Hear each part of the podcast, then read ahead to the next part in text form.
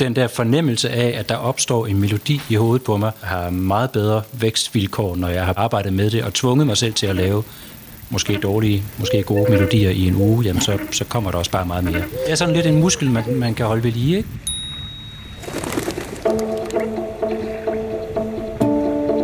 Hvor kommer musikken fra? Kommer den fra en guddommelig kilde til inspiration, en muse måske? Eller er det i virkeligheden et spørgsmål om hårdt arbejde, som nogle gange resulterer i, at inspirationen indfinder sig, og andre gange bare i et stykke godt og funktionelt håndværk? I podcastserien Inspiration tager vi til koncert med danske træd, folk og folkemusikkomponister og sangskrivere og taler med dem om den musikalske skabelsesproces og om hvordan de arbejder med deres musik som solister i deres bands og i forhold til publikum. 1, 2, 3 og 4 Flotte mænd og søde piger. 5, 6, 7 og 8, 9 Danser til en melodi. Mændene danser rundt og rundt. Hver man ved at det er sundt. Tag en tur med pigen sød. Hun bliver ekstra sprød Pigen rækker armene op og svarer med sin pigekrop Sender kærlighed afsted og synger med. Jeg hedder Morten Alfred Højrup, og i den her udgave af Inspiration har vi været til koncert i huset i Hasseridsgade i Aalborg for at tale dels med stedets daglige leder Michael Marino, men i særdeleshed med det danske folktronica band Malle Brock, som stod for underholdningen den aften. Bandet arbejder med en blanding af gamle danske folkeviser og ballader og egen komponeret musik og tekster, arrangeret for en kombination af elektroniske og akustiske instrumenter. De fem musikere i Mallebrok kommer fra forskellige genrer, inklusiv den elektroniske musik, middelaldermusikken, jazzen, teatermusikken og folkemusikken, og hver for sig spiller de i øvrigt i bands som Heilung, Nordkraft Big Band, Viralej, Væv og Trotto. Mallebrok er David Mondrup på elektronik, lyddesign, melodika og harmonium, Jakob H. Lund på trommer og percussion, Jonas Lind på trombone, sækkepipe, fløjter og skalmeje, og Mia Guldhammer på vokal. Bandets femte medlem, Siton og Dulcimer-spiller Morten Musicus, har skrevet sangen 1, 2, 3 og 4, og han har, siger han selv, en ganske lavpraktisk tilgang til det der med at skrive musik. Og så skal jeg lige huske at sige, at Malle Brock den her aften havde besøg af de to musikere, Mads Køller Henningsen på drejelige og fløjte, og Clara Tesch på violin. 1, 2, 3 og 4 Flotte mænd og søde piger. 5, 6, 7 og 8, 9 Danser til en melodi. Mændene danser rundt og rundt. Hver man ved at det er sundt. Tager en tur med pigen sød. Hun bliver ekstra sprød. Pigen rækker armene op og svarer med sin og synger med. 8, 7 og 6 og 5 Og hvad så vil du med mig? Hjem Og 80 og 3 og så 2 og 1 Så skal vi flette vores ben. Mændene danser rundt og rundt. Og hør man ved at dø er sundt. Tag en tur med pigen sød. Hun bliver ekstra sprød. Pigen rækker armene op Og svarer med sin pigekrop Sender kærlighed afsted Synger med. La la la.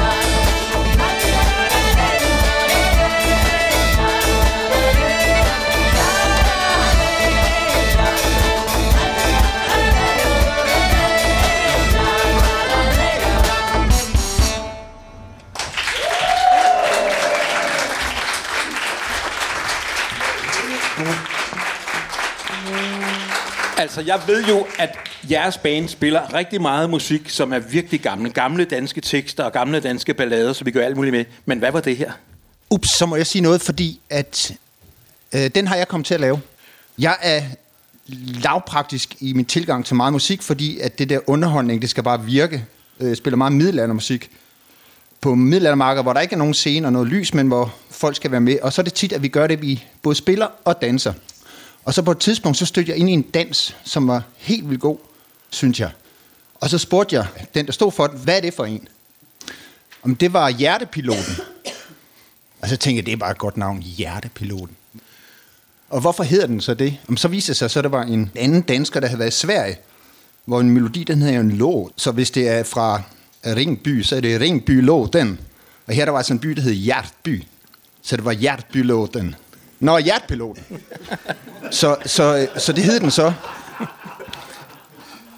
på dansk. Og det var et godt navn, og så glemte jeg melodien. Og så fandt vi en melodi, så det hed Skjarazula Marazula, fra en fjern øh, kaukasisk egen sikkert. Og øhm, det var sådan set meget godt, fordi vi spillede bare melodien, men så på et tidspunkt, så fik jeg lyst til at lave en tekst til. Og så lavede jeg så den her tekst. Og så på et tidspunkt, så kom jeg til at lave en melodi til. Og så blev den her melodi. Så øhm, det, den, er, den er lidt forgrenet, den historie. Og jeg kan simpelthen ikke huske, hvor der var inspiration. Det der med, med mænd og damer, der danser sammen, det var ligesom bare meget praktisk. Hvad, hvordan kan man lave en, en dans? sang. Og så handler det simpelthen om, at man danser til hjertepiloten. Ja. Og så lavede så en melodi til. Så sådan skete det. Hvis nok. Så vidt jeg ved, så har du også været involveret i at lave musikken til den næste, I skal spille. Er det ikke rigtigt? Agnete og Bjergmanden. Det er rigtigt. Men det kan du fortælle om bagefter, fordi jeg tænkte, at måske skulle vi bare høre den i første ja. omgang. Så skal jeg lægge den her.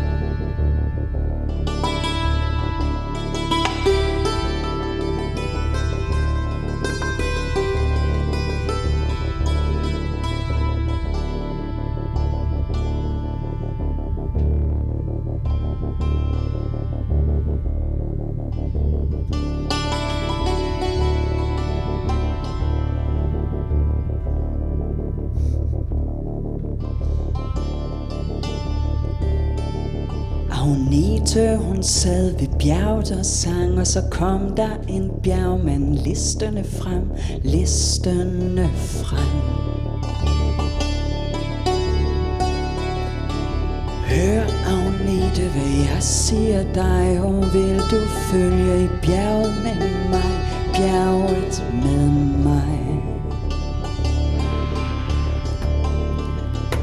Ikke vil jeg i bjerg med dig For min far og min mor De vil savne mig Savne mig Savne mig.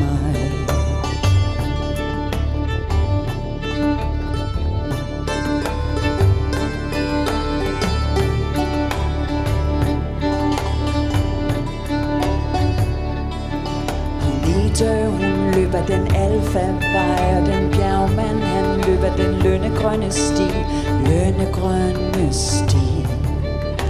Lønnegrønne sti.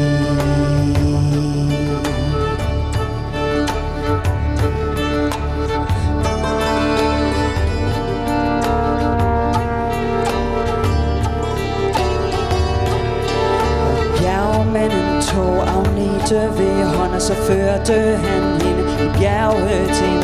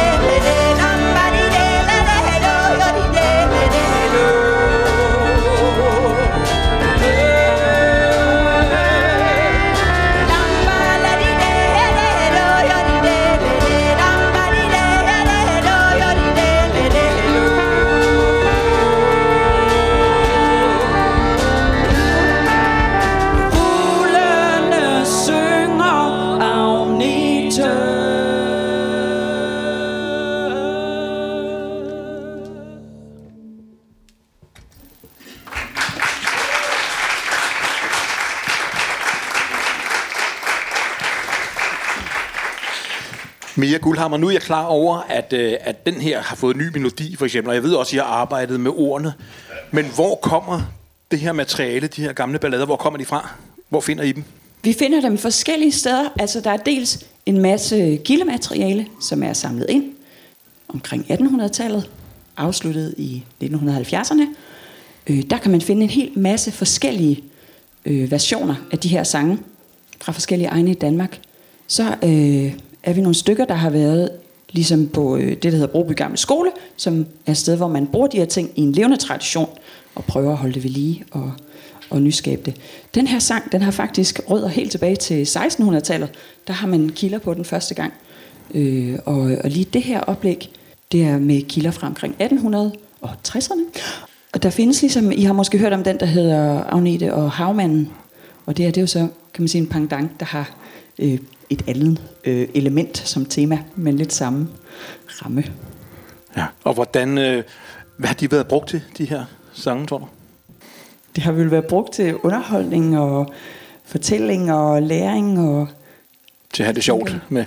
Eller Ja, til at være alt. sammen om? Ja, ja. Okay. Ja, så skal jeg lige høre en gang her. Øhm, hvordan arbejder I så? Hvordan forarbejder I de her ballader? Hvordan foregår det i det her band? Det er sådan lidt forskelligt. Vi kommer med et øh, oplæg. En kommer med et oplæg. Ja. Øh, og så går vi sammen om at brainstorme en hel masse på det. Ja. Øh, spiller det øh, fra ende til anden, eller øh, bryder det op i små bidder. Der er en masse arrangementsmæssigt, øh, der går ja. for sig. Det går vildt for sig. Vil du tilføje noget, David?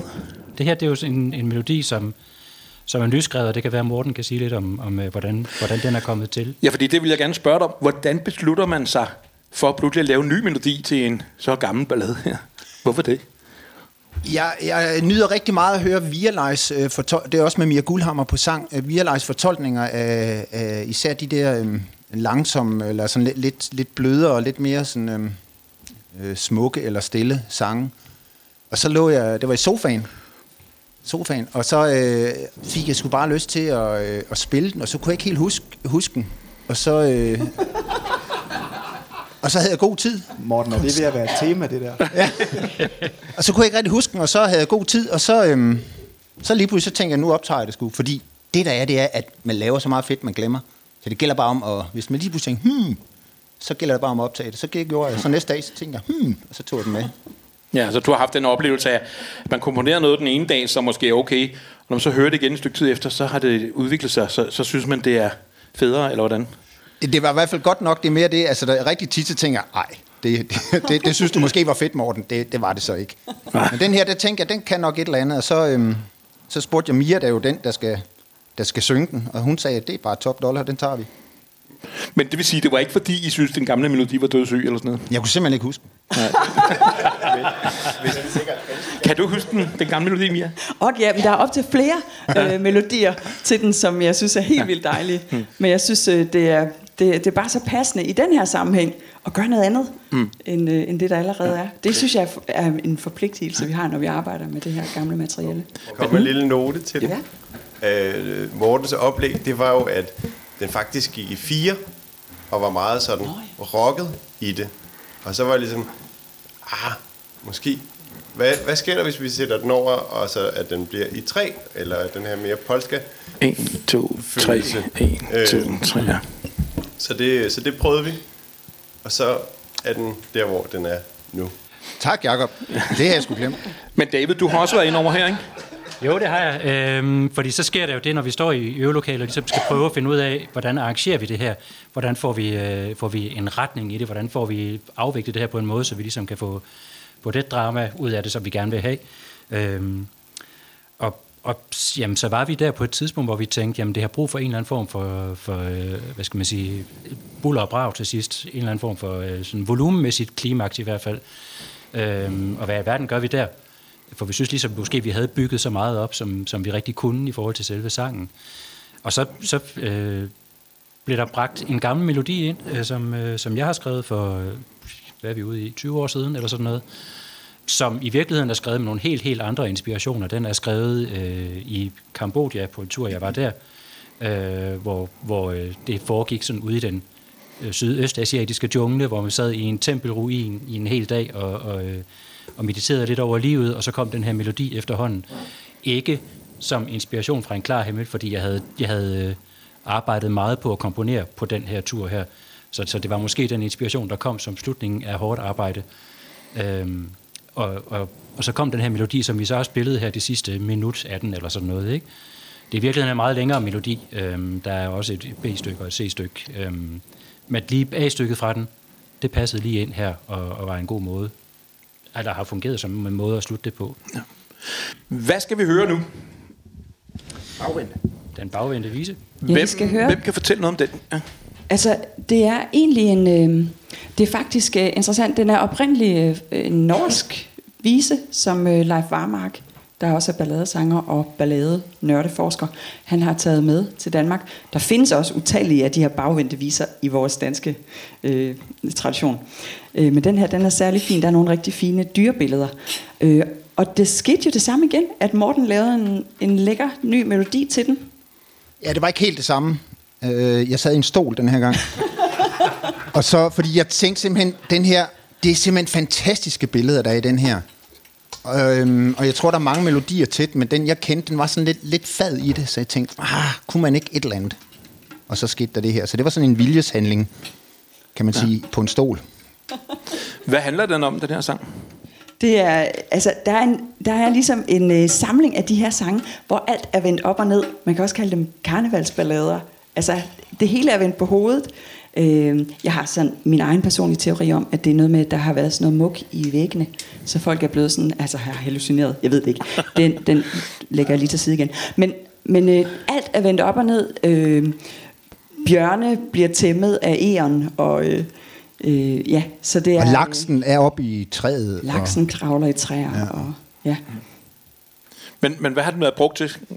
Det kan øhm, vi også snakke om lidt senere, når vi hører den. Ja, det altså, det kan, altså omkvædet siger, jeg lover jer squat. Og det, og det kan have været en vuggevise. Jeg lover jer små venner. I skal bare høre en vild drøm, jeg havde. Og det er sjovt, fordi jeg lover jer skvat. Jeg, jeg, jeg har altid hørt det som, jeg lå, hvor jeg skvat. Ja. Altså, han var, jeg, en eller anden, der var faldet. Jeg lå, hvor jeg skvat. Men så jeg lover jer skvat, så bliver jeg også klogere, tak. Ja, det var så lidt. Jeg bissede min støvle, jeg sadlede mit svær, og så bandt jeg mig ud ved siden. Så rejste jeg ud til kattemors fær, skulle stande de farlige stride. Jeg lover jeg skvat, for jeg drømte en nat. Jeg troede, den vise var.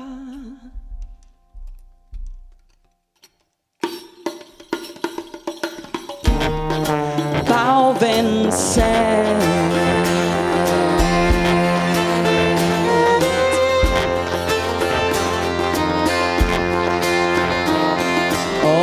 Reven var rød, og ærerne snu. De var to dyr ude i skoven. Der stod to æren, ville tæmme en bjørn. De ville vel have den for ploven. Jeg lover jeg skvat, for jeg drømte i nat jeg troede den vise var bagvendt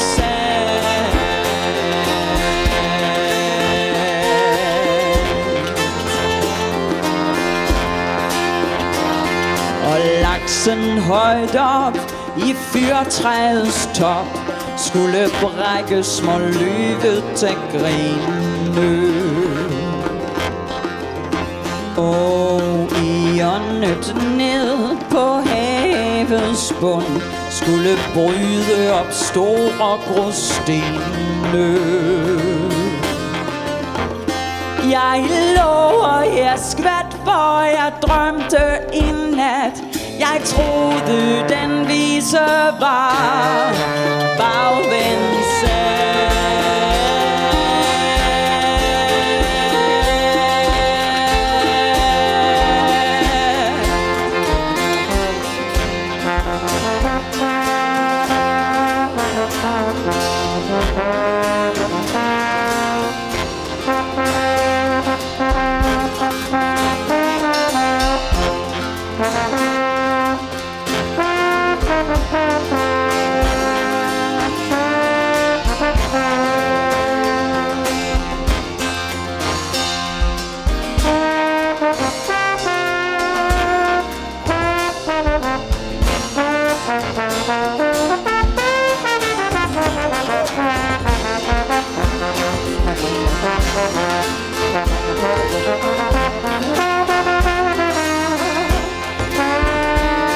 Så gik jeg mig ned til kirkehus. Der stod to messer, de præstede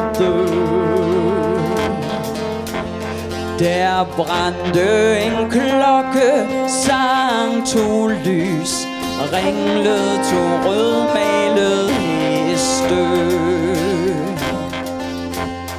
og jeg lover og jeg skvat, for jeg drømte i nat. Jeg troede den vise var bagvendt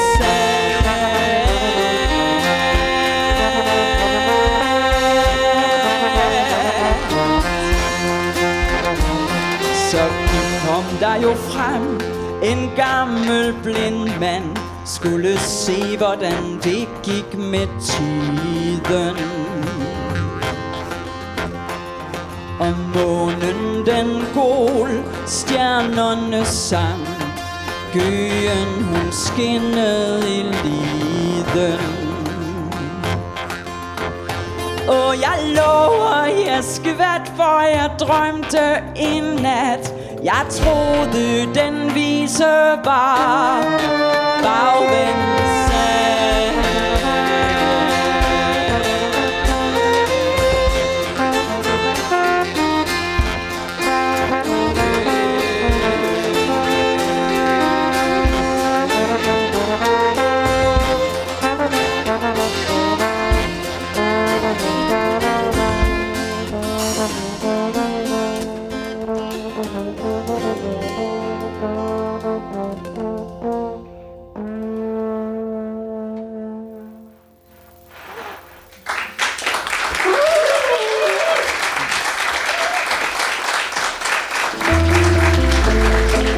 Jamen, øh, mit navn det er øh, Michael Marino, øh, og jeg er daglig leder her på øh, huset i Hasserigsgade.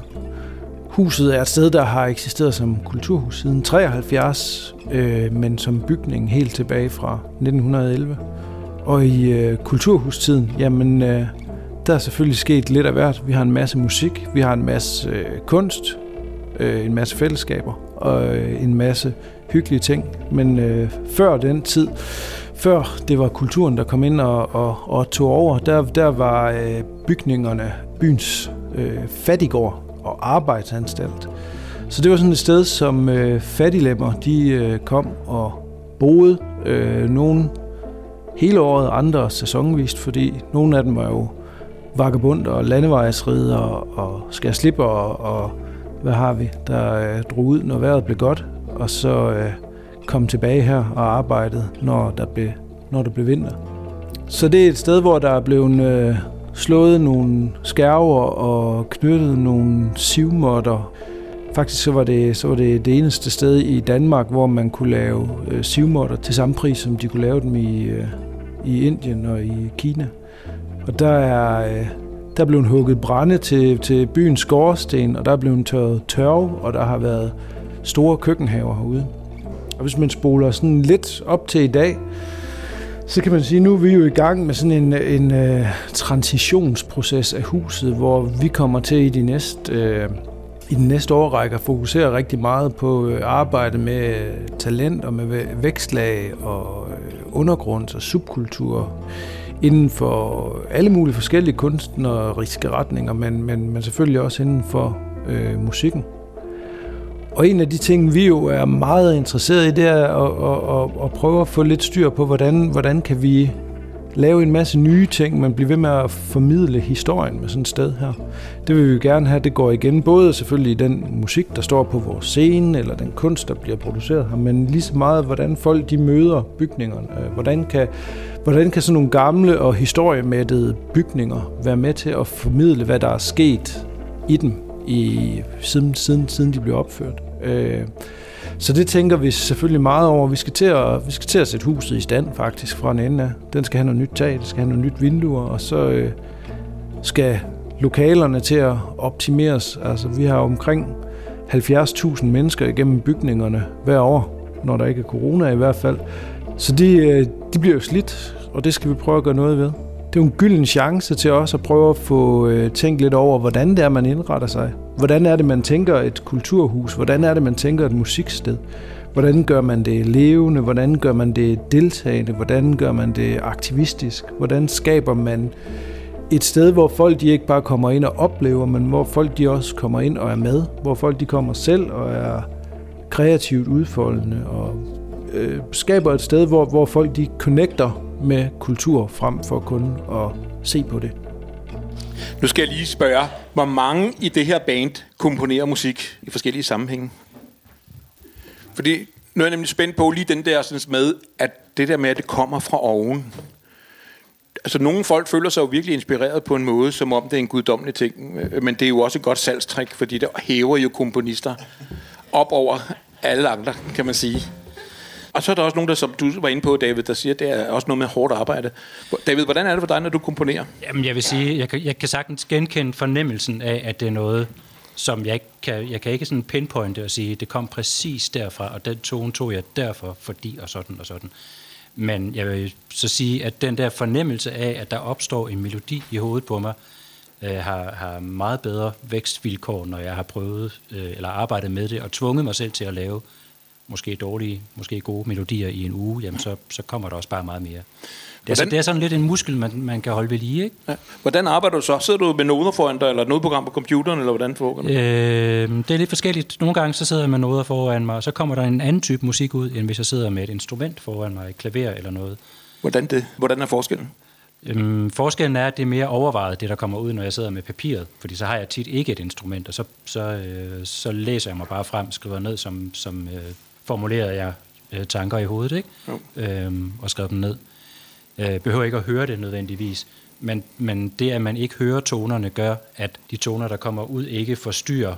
Altså de toner, man ikke hører, forstyrrer heller ikke tanken om den næste tone, så at sige.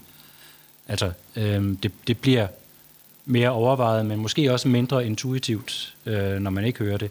Øhm, når man sidder med instrumentet, når jeg sidder med instrumentet, så bliver det mere øh, en, en, øh, øh, en leg, hvor det ene tone tager den anden. Øh, og det, det skaber en anden type musik, i mit tilfælde i hvert fald. Ja. Morten, øh, er det helt... Øh, er det helt strengt at sige, at øh, du lyder lidt som om, at når du komponerer, så sætter du dig ned, og så venter du, sidder du og lidt med dig, og så venter du på, at der sker noget? Jamen, jeg vil sige, jeg, jeg, altså, jeg, hvis jeg har en opskrift, så ved jeg simpelthen ikke, hvad den er. Jeg har lavet rigtig meget teatermusik, og det er jo sådan, hvor komponi, øh, instruktøren siger, at vi skal have sådan en frisk start, men så et minut inden, der skal, der altså, skal man fornemme, at der sker noget lidt trælsom lidt, og så skal den ende godt igen, ikke også? Så det skal være to minutter. Det, det er jo sådan en, et håndværkstilgang, og det har jeg lavet rigtig meget på den måde. Så, øhm, så jeg, jeg, jeg, jeg synes, jeg er sådan lidt, det er lidt forskelligt, men altså, jeg har også bare den der på ringgaden lige bussen. Så, altså, ja! Og så står, altså, det, det har jeg prøvet, og så synger jeg ind i mikrofonen der, mens bilerne drøner forbi. Det er især, hvis jeg cykler. Det er godt at være, øhm, være fysisk, øh, altså, Det er godt i gang, så er det som om, at øh, systemet bliver varmt.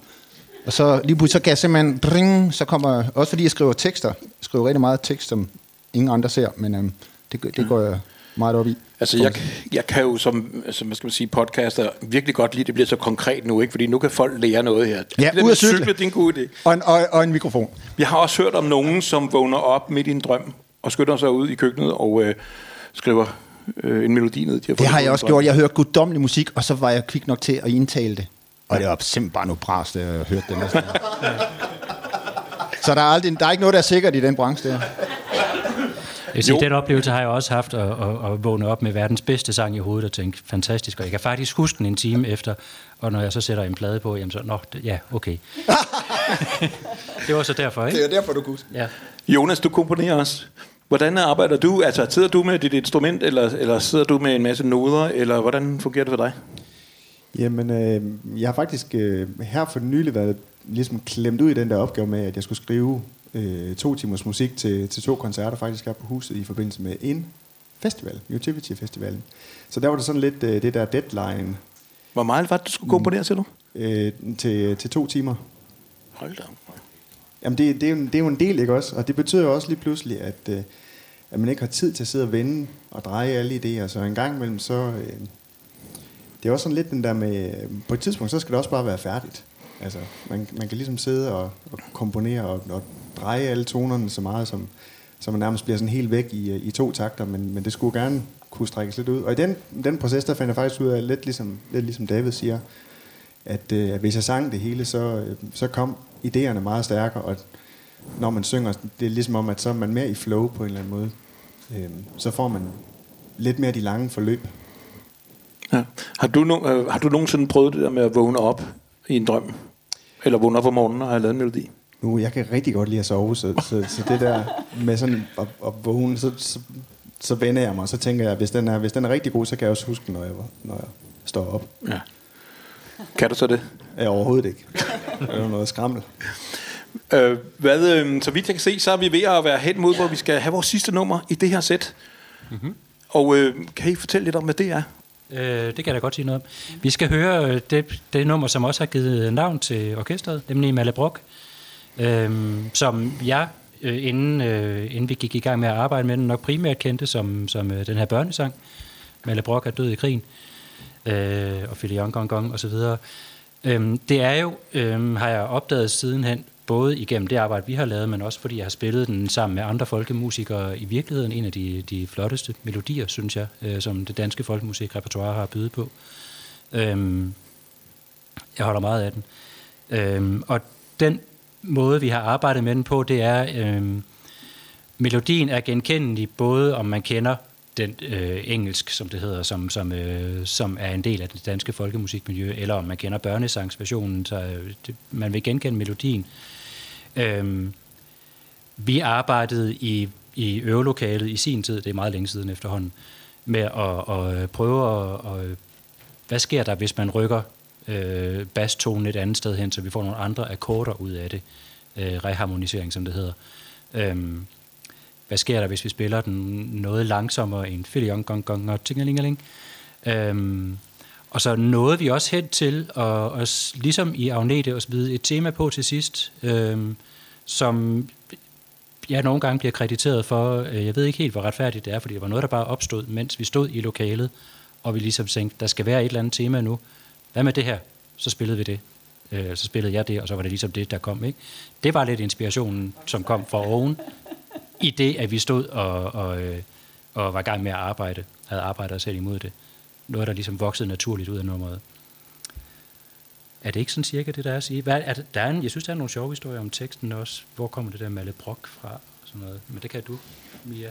Ja, men det, det er faktisk en melodi, man, man kender flere steder i Europa, fordi det har været en, øh, sådan en, en, øh, en slagsang, som man har sunget øh, for at svække jarlen af Marlborough, altså Malbrok, øh, svække hans øh, soldater ved at lave den her smedvise om, at han er krasset af, så I kan lige så godt give op.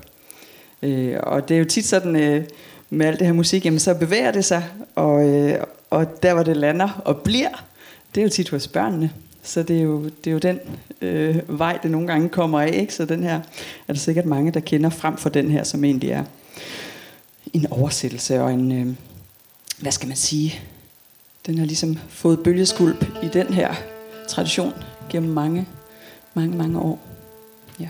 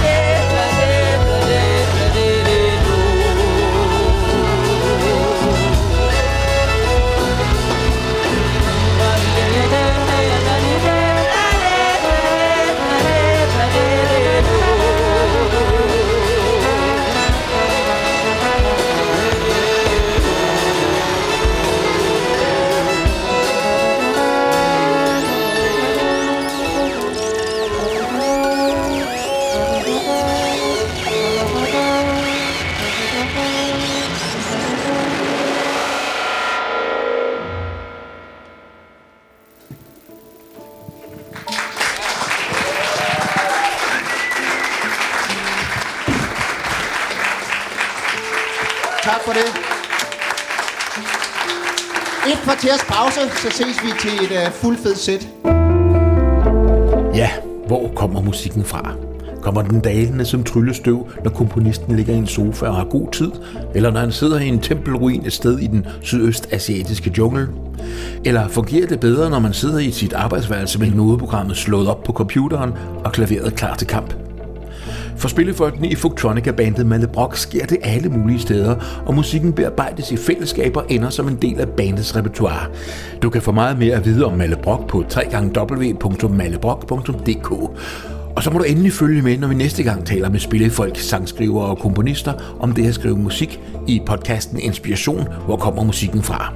Tak til Malle Brock, tak til Michael Marin og huset i Hasserigsgade i Aalborg, og til Peter Hellesø, som stod for optagelser og mix. Tak også til Dreamer Circus for kendingsmusik, og endelig til Koda Kultur og Foreningen Mediehaven for støtten. Jeg hedder Morten Alfred Højrup, og du kan høre meget mere musik, ikke mindst folkemusik, på www.radiofug.dk. På genhør.